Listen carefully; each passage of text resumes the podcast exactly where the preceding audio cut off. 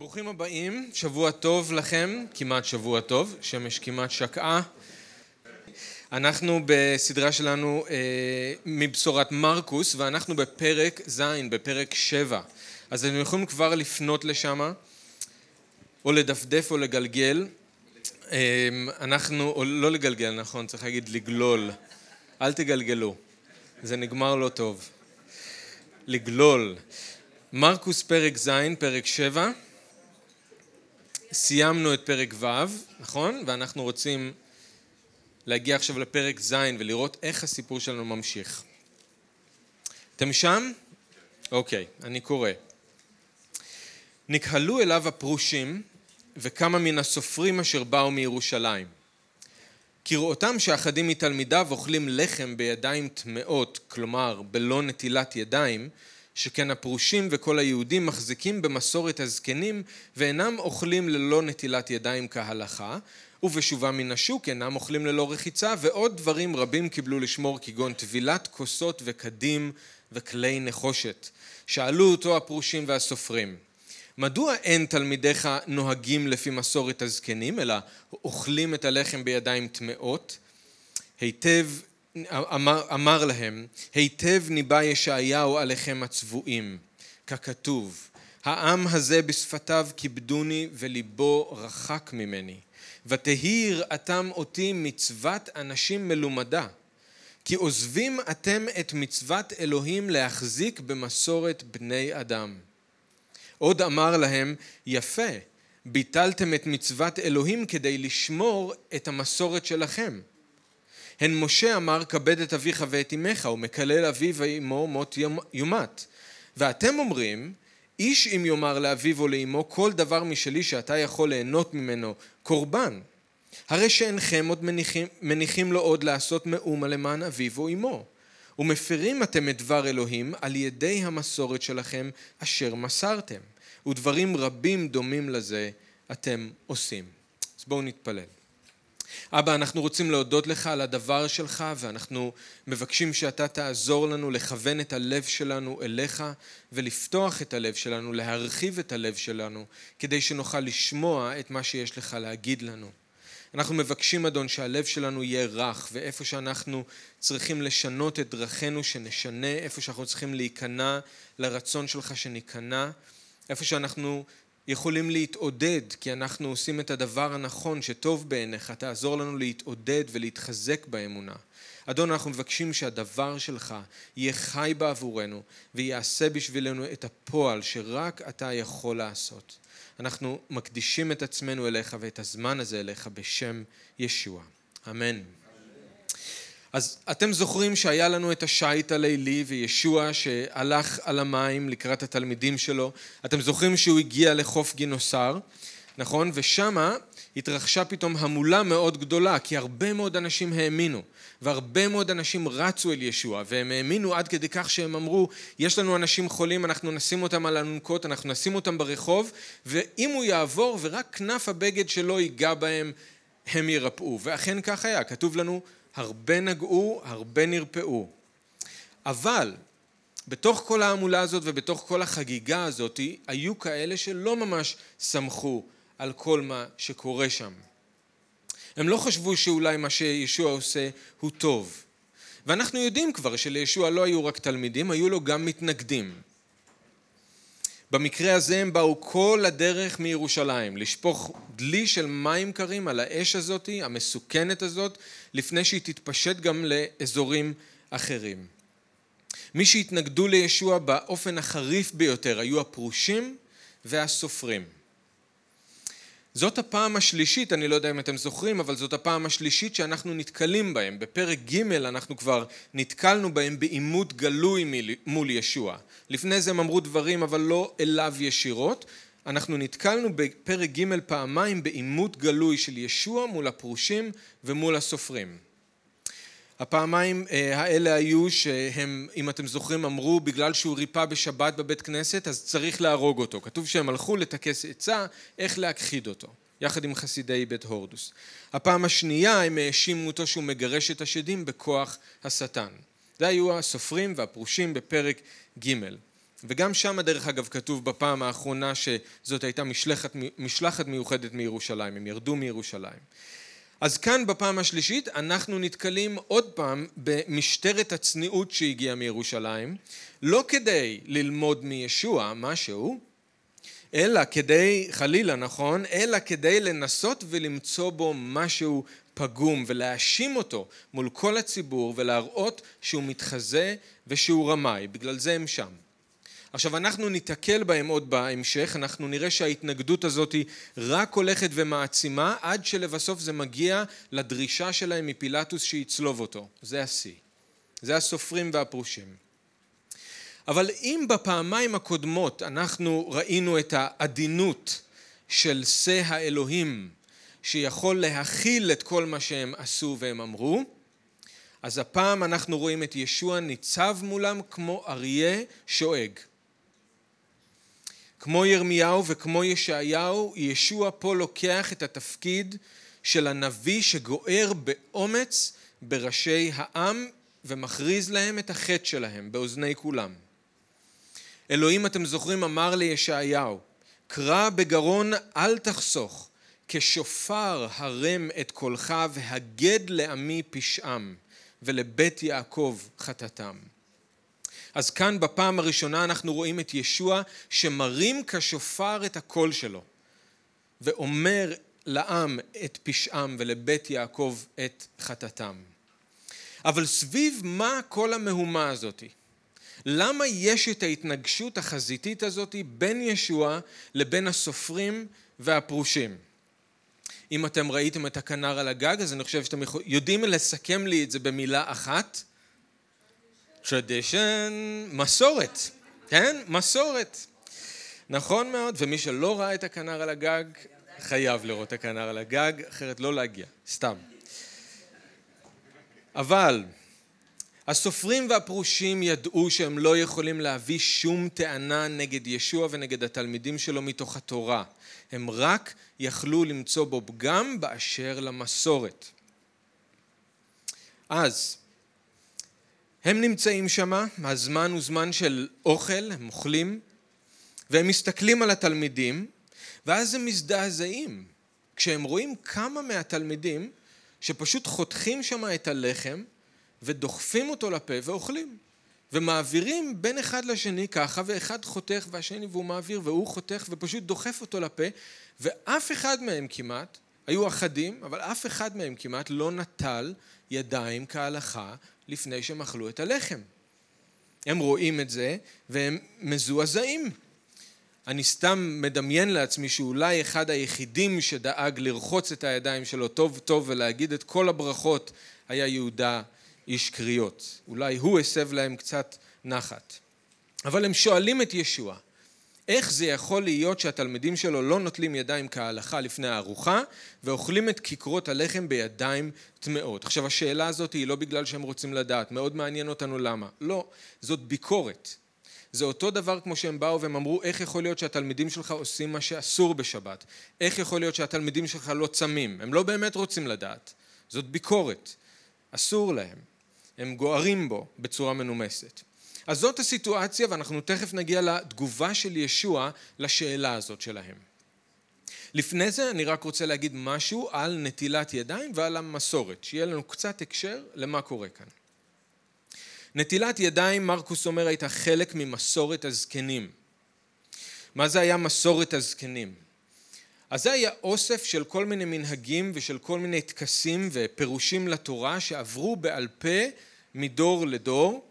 המטרה שלהם לכאורה הייתה לתת לאנשים את הדרך איך לחיות את היום יום שלהם לפי התורה, לפי הדרך של אלוהים. עכשיו כמאתיים שנה אחרי ישוע החליטו להעלות או להתחיל להעלות את המסורות האלה על הכתב. וזאתי המשנה. אחריה באה הגמרא. אחרי זה איגדו את זה ביחד ויש לנו את התלמוד. ומה שפעם קראו לו מסורת הזקנים, היום קוראים לו התורה שבעל פה. זה אותו דבר, אבל פעם קראו לזה מסורת הזקנים. זה התפתח מאז, זה גדל מאז, אבל זאת התורה שבעל פה. ואני מניח שאתם יודעים מה התורה שבעל פה אומרת על עצמה. משה קיבל תורה מסיני, כי חלילה זה לא מדובר פה סתם על אנשים שהמציאו אה, מסורות והעבירו על דעת עצמם מדור לדור כל מיני מנהגים שהם חשבו שיכול להיות טוב לעשות, לא. משה, לפי התורה שבעל פה, משה קיבל תורה מסיני ומסרה ליהושע ויהושע לזקנים והזקנים לנביאים והנביאים לאנשי הכנסת הגדולה והם אמרו שלושה דברים, היו מתונים בדין, העמידו תלמידים הרבה, ועשו סייג לתורה, תבנו גדרות מסביב לתורה. זאת התיאוריה. Okay? אוקיי? זאת התיאוריה של התורה שבעל פה. זאת התיאוריה לגבי המסורת של הזקנים. זה לא משהו שבני אדם המציאו, זה ניתן למשה בהר סיני יחד עם התורה שבכתב. ודרך אגב זה ממשיך להתגלגל עד היום לרבנים שיושבים בבני ברק או במאה שערים לפוסקי ההלכה. זה שמה גם אצלם הסמכות הזאת ממשה. אז סביר להניח שאין הרבה הבדל בין מה שאנחנו מכירים היום כנטילת ידיים לבין מה שהיה אז. סביר להניח שזאת המסורת שאנחנו מכירים היום, שהיום היא כבר הלכה. רוחצים כל יד בנפרד, כמה פעמים, מקפידים, נכון? אומרים את הברכה, ברוך אתה אדוני אלוהינו מלך העולם אשר קידשנו במצוותיו וציוונו על נטילת ידיים. ואם אתם שואלים את עצמכם איפה אלוהים ציווה על נטילת ידיים, זה בדיוק איפה שהוא ציווה על הדלקת נרות שבת וחנוכה. אז אם, כן, אז אם תמצאו את זה, מצאתם את המקור. מה המקור של המנהג? למה הם בכלל חשבו שצריך לרחוץ ידיים? הרי זה לא כתוב בשום מקום בתורה. למה הם חשבו שצריך מנהג כזה של נטילת ידיים? אז זה בא מהרחיצה של הכהנים לפני שהם נכנסו לקודש, משם הם לקחו את הרעיון הזה. אני לא נכנס עכשיו לכל הסיפור של למה הם חשבו שכל עם ישראל צריך לעשות את זה, אבל הם לקחו את הרעיון מהכהנים שהיו רוחצים את עצמם, מטהרים את עצמם לפני שהם נכנסים אל הקודש. זאת אומרת, מה שאני רוצה שתבינו, כי חייבים להבין את ההתנגשות החזיתית הזאת פה, לא מדובר סתם בהיגנה. זה לא לנקות את הידיים כי הידיים מלוכלכות בקצת בוץ לפני שאוכלים את הלחם. המקור של המסורת הזאת זה בא מהרחיצה של הכוהנים והעניין הוא טהרה רוחנית והלכלוך שמטריד אותם זה לא הלכלוך הפיזי זה הלכלוך הרוחני. הנה מה שכתוב למשל בשולחן ערוך אפילו מי שידיו נקיות כגון שזה עתה רחצם במים עם סבון צריך ליטול את ידיו לפני אכילת הלחם, כדי לטהרן ולקדשן לקראת הסעודה. גם אם רחצת את הידיים שלך עם מים וסבון, אתה צריך לרחוץ את זה באופן סימבולי עם הטקס המסוים של נטילת הידיים, כדי שתהיה טהור מבחינה רוחנית, אוקיי? אז מי שלא נוטל ידיים לפני הארוחה נחשב כטמא מבחינה רוחנית. זה העניין. עכשיו עד כמה זה חמור אם מישהו לא ביצע את הטקס הזה ולא טיהר את הידיים שלו ככה לפני הארוחה? אז במסכת סוטה אומרים לנו כל האוכל לחם בלא נטילת ידיים כאילו בא על אישה זונה. חמור, כן? חמור. זה לא צחוק. אז מרקוס צריך להסביר את זה קצת לקהל הקוראים שהיה לא יהודי, הוא כותב בעיקר לגויים אז הוא אומר, תראו, היו עוד הרבה דברים כאלה, הוא לא נכנס לזה, אבל אני אתן לכם רק עוד שתי דוגמאות שקשורות ברחיצה ואוכל. הם היו גם רוחצים כנראה את הגוף בסוג של טבילה אחרי שהיו חוזרים מהשוק, עוד פעם בגלל טומאה רוחנית, והיו רוחצים או טובלים כלים של אוכל ושתייה, זה דברים שאנחנו רואים עד היום, מי שמכיר את ה... הלך הרוח והמנהגים בעולם הדתי, עד היום יש את הטבילה של הכוסות ושל הכדים. שוב, לא בגלל היגנה, העניין זה טומאה רוחנית וטהרה רוחנית. אז התלמידים חיו בזמן שבו המסורת הייתה פחות מפותחת, מן הסתם פחות מסועפת, אבל עדיין אז הם, זה נתפס כבעל סמכות, ולא היה מקובל להפר אותה. כן היה ויכוח לגבי המקום של המסורת, גם הצדוקים התווכחו עם הפרושים, יותר מאוחר בהיסטוריה של עם ישראל גם הקראים, היהודים הקראים התווכחו עם הפרושים. אבל מסורת, אני רוצה, אני, אני רוצה שנעשה סדר בזה קצת כי אנחנו עלולים גם לשגות לגבי מה ישוע אומר על מסורת. מסורת של מנהגים וטקסים היא לאו דווקא בעייתית. היא לאו דווקא בעייתית. יש מסורות של בני אדם שישוע אפילו לא התנגד להם, ואפילו קיים אותם. הברכה לפני האכילה, המעשר של התבלינים, שירת ההלל בפסח, העלייה לירושלים בחנוכה. כל הדברים האלה ישוע עשה וזה מסורות של בני אדם. ישוע עצמו הוסיף לנו מסורות. הכוס והיין עם סעודת האדון והטבילה זה מסורות שישוע הוסיף לנו. אז לא רק שישוע שמר חלק מהמסורות, אלא גם הוסיף לנו מסורות, ואנחנו גם רואים ששאול מדבר על מסורות בברית החדשה. שאול משבח את הקורינטים ואת התסלוניקים שהם שומרים את המסורות שהוא מסר להם. ככה הוא משתמש במילים האלה.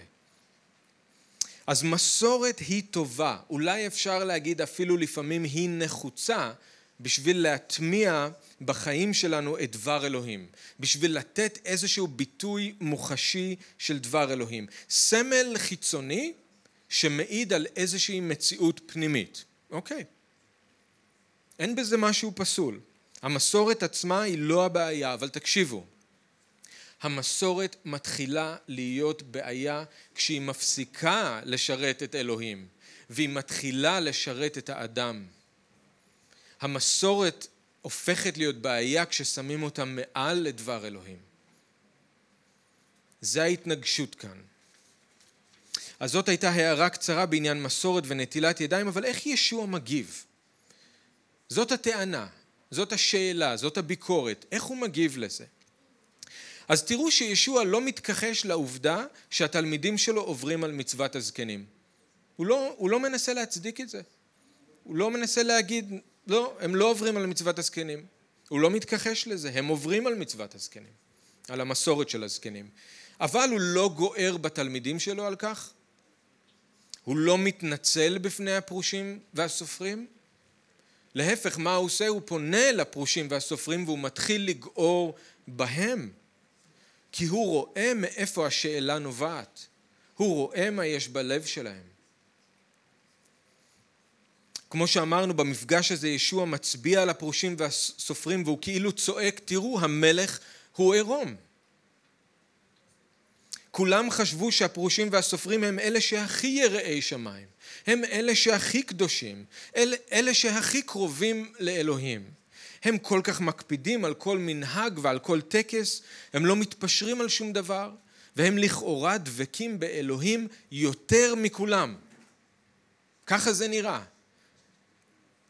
אבל ישוע בא ואומר, אל תתבלבלו בין דבקות במסורת לבין דבקות באלוהים. אל תתבלבלו בין הסמל החיצוני לבין המציאות הפנימית. ואז ישוע כאילו אומר, בואו אני אגיד לכם מה הסיבה האמיתית שהם כל כך שומרים על המסורת? ולמה הם רוצים כל כך שאתם תשמרו על המסורת? בואו אני אגיד לכם את הסיבה האמיתית. וישוע עושה כאן דבר מדהים. הוא מאשים אותם בשני דברים חמורים מאוד בקטע הזה. הוא פונה אליהם, הוא גוער בהם, והוא מאשים אותם בשני דברים חמורים. אז קודם כל תראו בפסוקים 6 עד 8. הוא מצטט את ישעיהו הנביא. הוא אומר להם, ישעיהו ניבא עליכם, הצבועים. העם הזה בשפתיו כיבדוני, ליבו רחוק ממני, יראתם אותי מצוות אנשים מלומדה. עוזבים אתם את מצוות אלוהים להחזיק במסורת בני אדם. ישוע אומר שישעיהו כיוון את הדברים אליהם כי גם הם, כמו העם והנביאים והכהנים בזמן של ישעיהו, היו צבועים. צבועים. למה צבועים?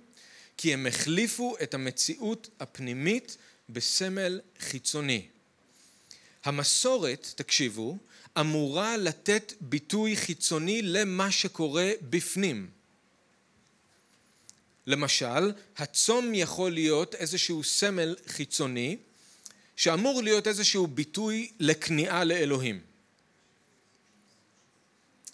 אבל נניח שמישהו צם אבל אין כניעה אמיתית מבפנים, אז יש צביעות. אוקיי? Okay? אם הוא לא היה נכנע לאלוהים ולא צם, אוקיי, אתה בצרות, אבל אתה לא מנסה להגיד אחרת. אתה לא מנסה להראות שאתה אחרת. אתה לא נכנע לאלוהים ואתה לא צם. אבל אם אתה צם ומבפנים אתה לא נכנע לאלוהים, אתה גורם לכולם לחשוב כאילו שאתה כן נכנע לאלוהים, כשבפנים זה בדיוק ההפך, ואז אתה צבוע. זה מה שקורה בישעיהו פרק נ"ח. כל העם צמים והם אומרים, איך יכול להיות שאלוהים לא שומע אותנו? אנחנו צמים. אלוהים אומר, לא, אני רואה את הלב שלכם ואני רואה את המעשים שלכם, והצום הזה הוא כיסוי. זה מה שישוע אומר לסופרים ולפרושים כאן, הם צבועים, בדיוק כמו בימים של ישעיהו.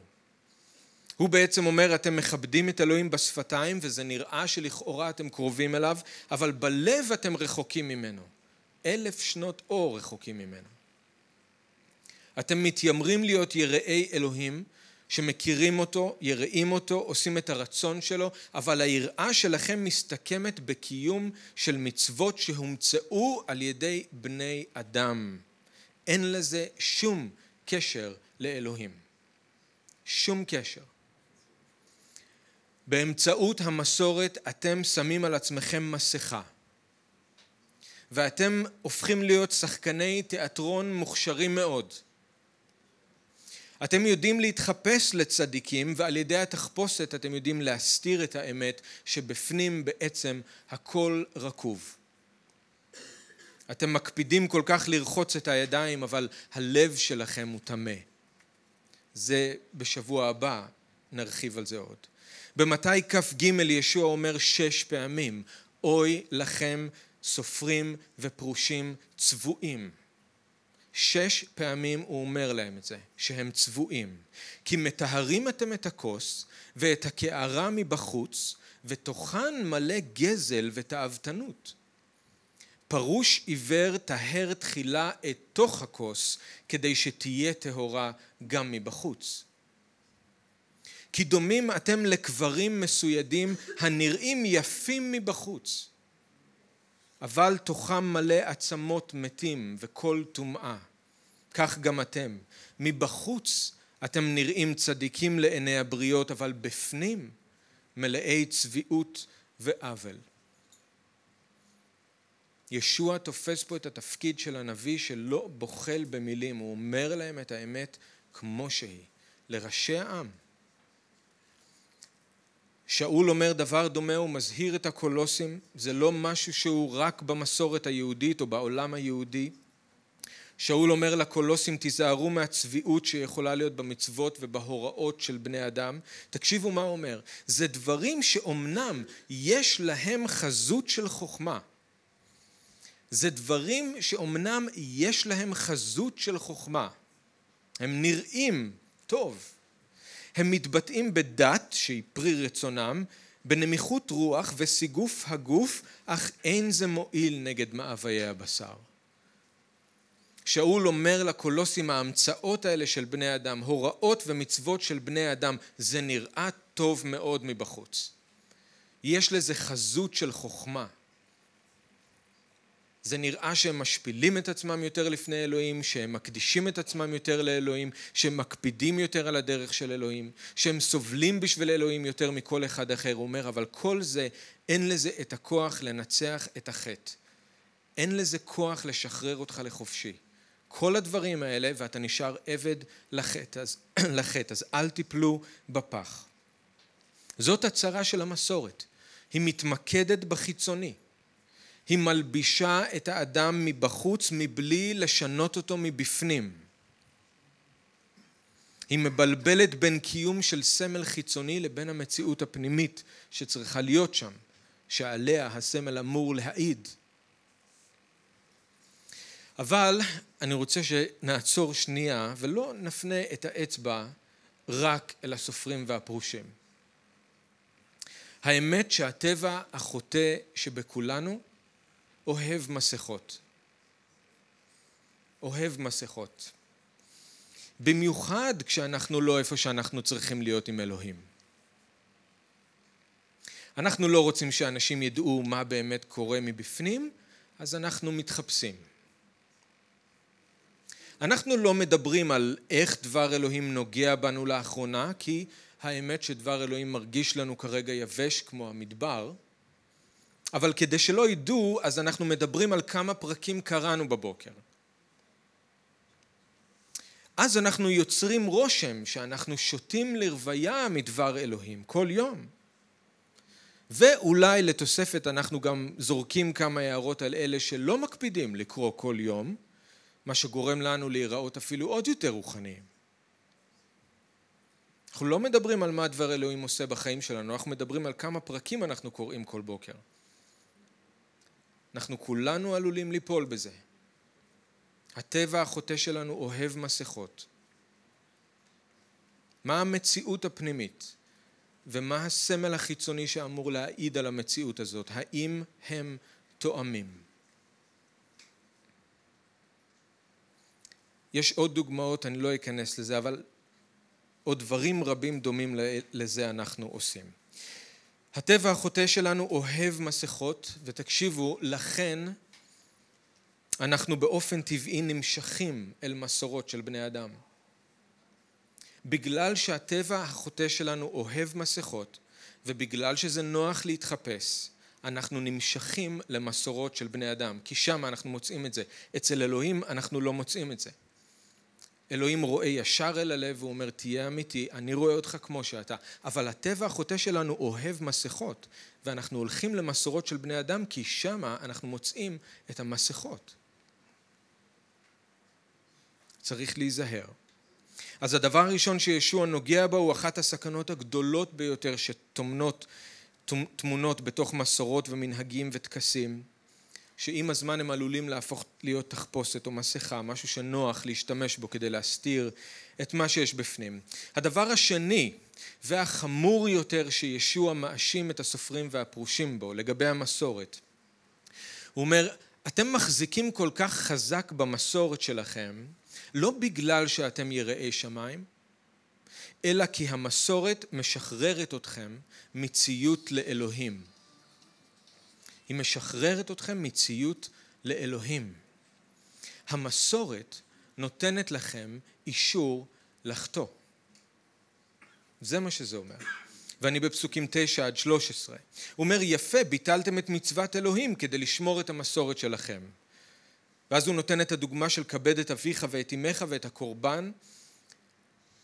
ואז הוא אומר, בסוף מפרים אתם את דבר אלוהים על ידי המסורת שלכם, דברים רבים דומים לזה אתם עושים. אז שלוש פעמים בקטע הקצר הזה ישוע אומר להם את אותו דבר, עוזבים אתם מצוות, את מצוות אלוהים, ביטלתם את מצוות אלוהים, מפירים אתם את דבר אלוהים. חמור יותר מלהיות צבועים שמשתמשים במסורת כדי להסתיר את עצמם, משתמשים בזה בתור מסכה, זה להשתמש במסורת כדי לא לציית לדבר אלוהים. להשתמש במסורת כתירוץ לחטוא. עכשיו זה בטח מרתיח את הסופרים והפרושים שעומדים שם מולו כשהוא אומר להם את הדברים האלה. הפנים שלהם נהיות אדומות מאוד. עד כמה שאפשר להיות אדום זה אדום. למה? כי הם הרי טוענים בדיוק להפך. הם אומרים שהם חיים לפי כל המסורות האלה בדיוק כדי לקיים את מצוות אלוהים. וישוע בא ואומר להם לא. אתם ממציאים לעצמכם מסורות כדי שלא תצטרכו לציית לאלוהים. זה מרתיח אותם.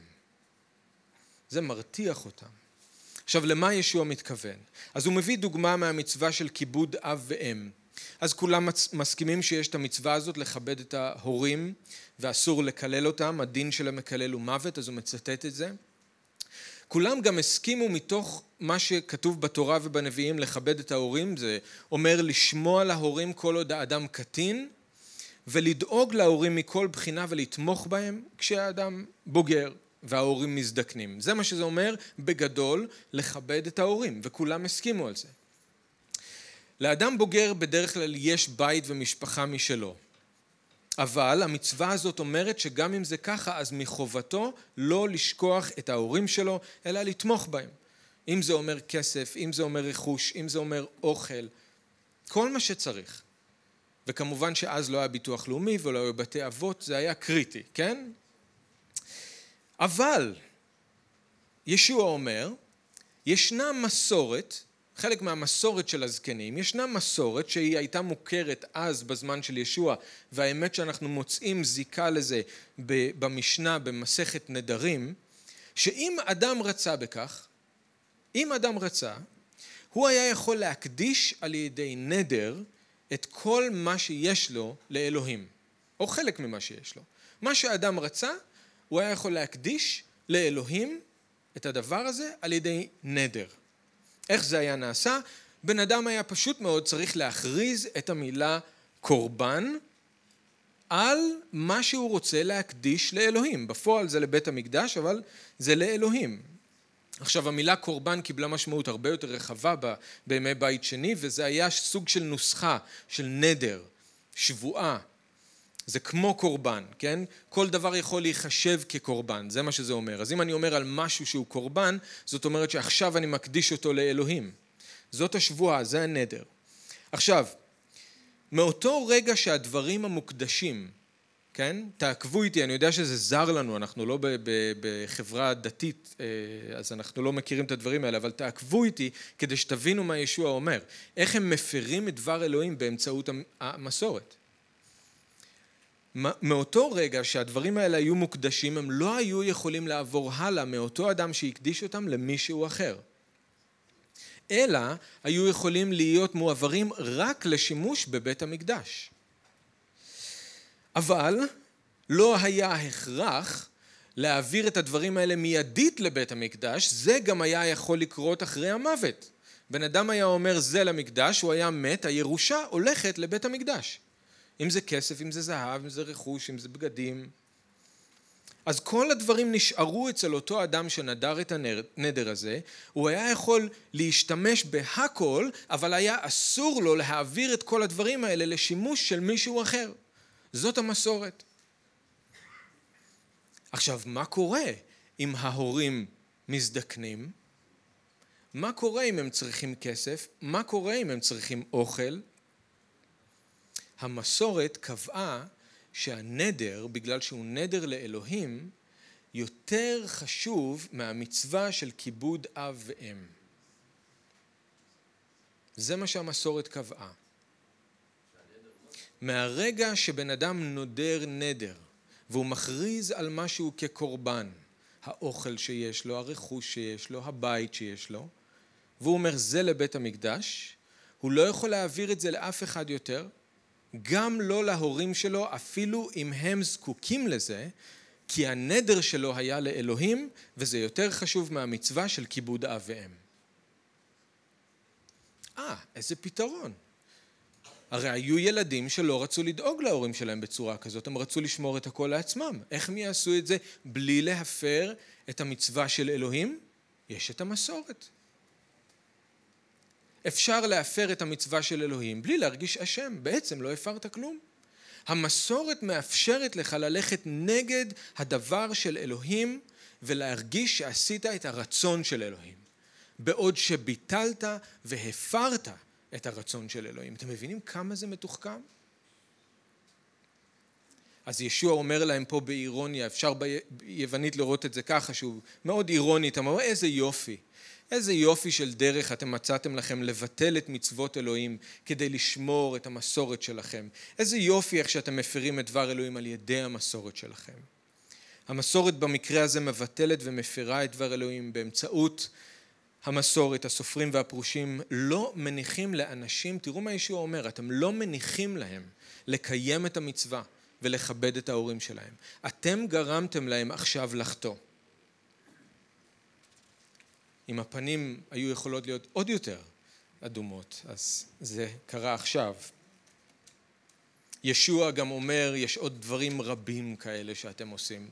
זאת רק דוגמה. אל תחשבו שזה יוצא מן הכלל. זאת השיטה שלכם. ככה אתם חושבים, ככה אתם עובדים, ככה אתם חיים.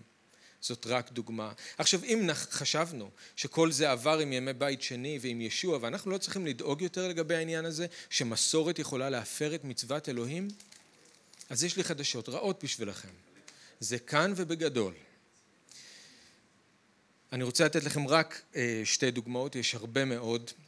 של מה שקורה בזמן שלנו, ואני מניח שאתם יודעים שכל הזרמים הדתיים שיש היום צמחו מתוך כת הפרושים.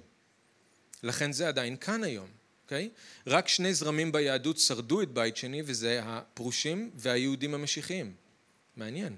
אז אנחנו ממשיכים ממש דומה את כל מה שאנחנו קוראים עליו בבשורות. אבל ככה, זה חטא לשקר, אוקיי? Okay? ויקרא י"ט, שמות כ"ג, לא תשקרו איש בעמיתו, מדבר שקר תרחק, זה חטא לשקר.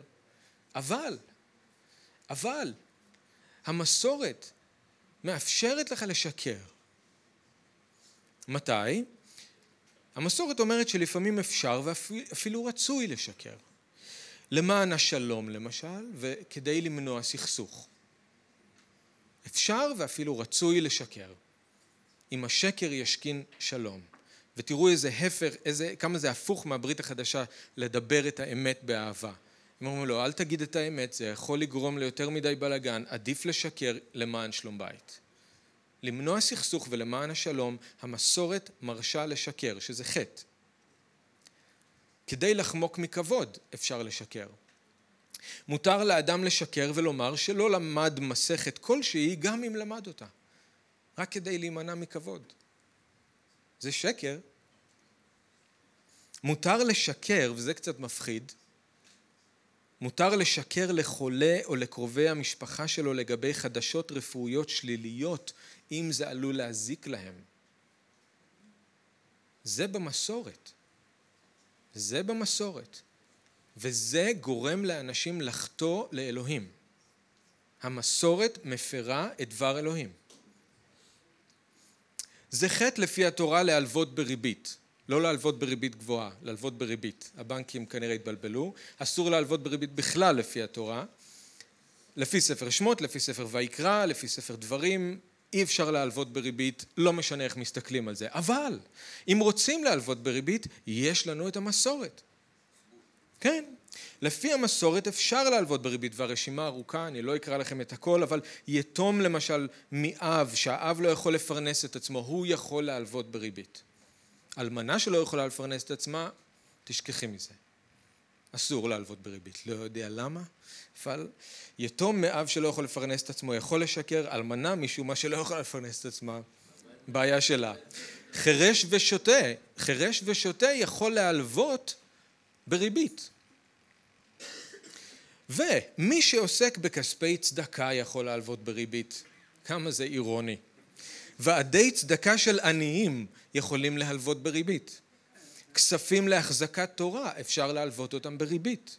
כוללים יכולים להלוות בריבית, תלמודי תורה יכולים להלוות בריבית וקופת בית כנסת יכולה להלוות בריבית. הקופה של בית הכנסת יכולה להלוות בריבית כשהתורה אומרת שאסור להלוות בריבית, אבל המסורת מאפשרת להפר את מצוות אלוהים. זה ממש לא נעלם, זה פה, הרשימה מאוד ארוכה, יש עוד הרבה דוגמאות, מי שמכיר הלכות של שמיטה וחוק הפרוסבול ועוד ועוד ועוד, ממש, ממש גורם להפרה בוטה של דבר אלוהים על ידי המסורת. בסופו של דבר המסורת היא רק דרך הרבה פעמים לעקוף את דבר אלוהים. וזה מדהים כי ישוע נוגע בדיוק בנקודה הזאת, נכון? הוא לא אומר להם אתם רק מוסיפים לדבר אלוהים. הוא לא אומר אתם רק שמים בצד את דבר אלוהים.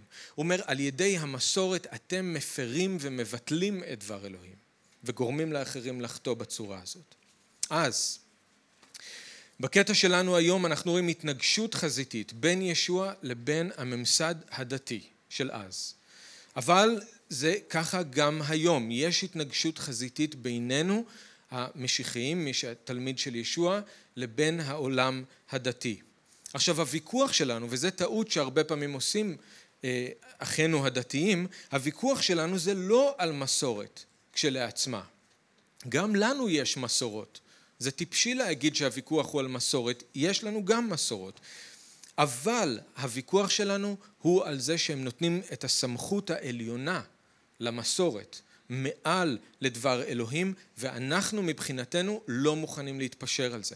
אנחנו מקפידים על זה שהסמכות העליונה בחיים שלנו זה אך ורק דבר אלוהים. דבר אלוהים הוא עבורנו המדד להכל. שום דבר לא שווה לו בסמכות שלו, שום דבר לא יכול להיות אף פעם מעליו.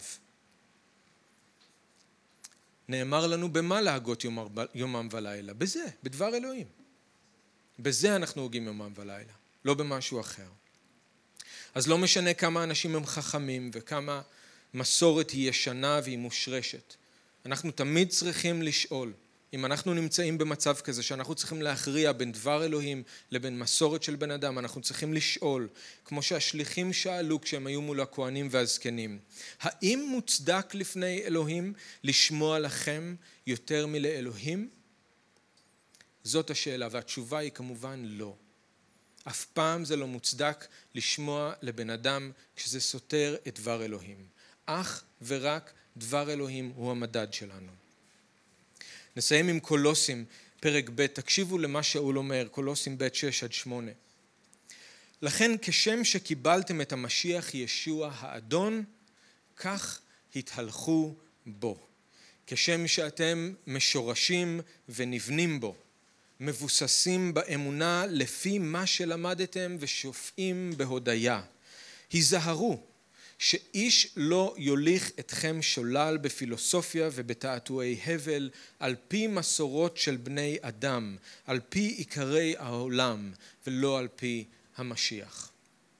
אז זאת אזהרה שהייתה אזהרה חמורה מאוד וגערה מאוד מאוד חזקה של ישוע בפרושים ובסופרים, רלוונטית לחלוטין גם בימינו, וזו אזהרה גם בשבילנו.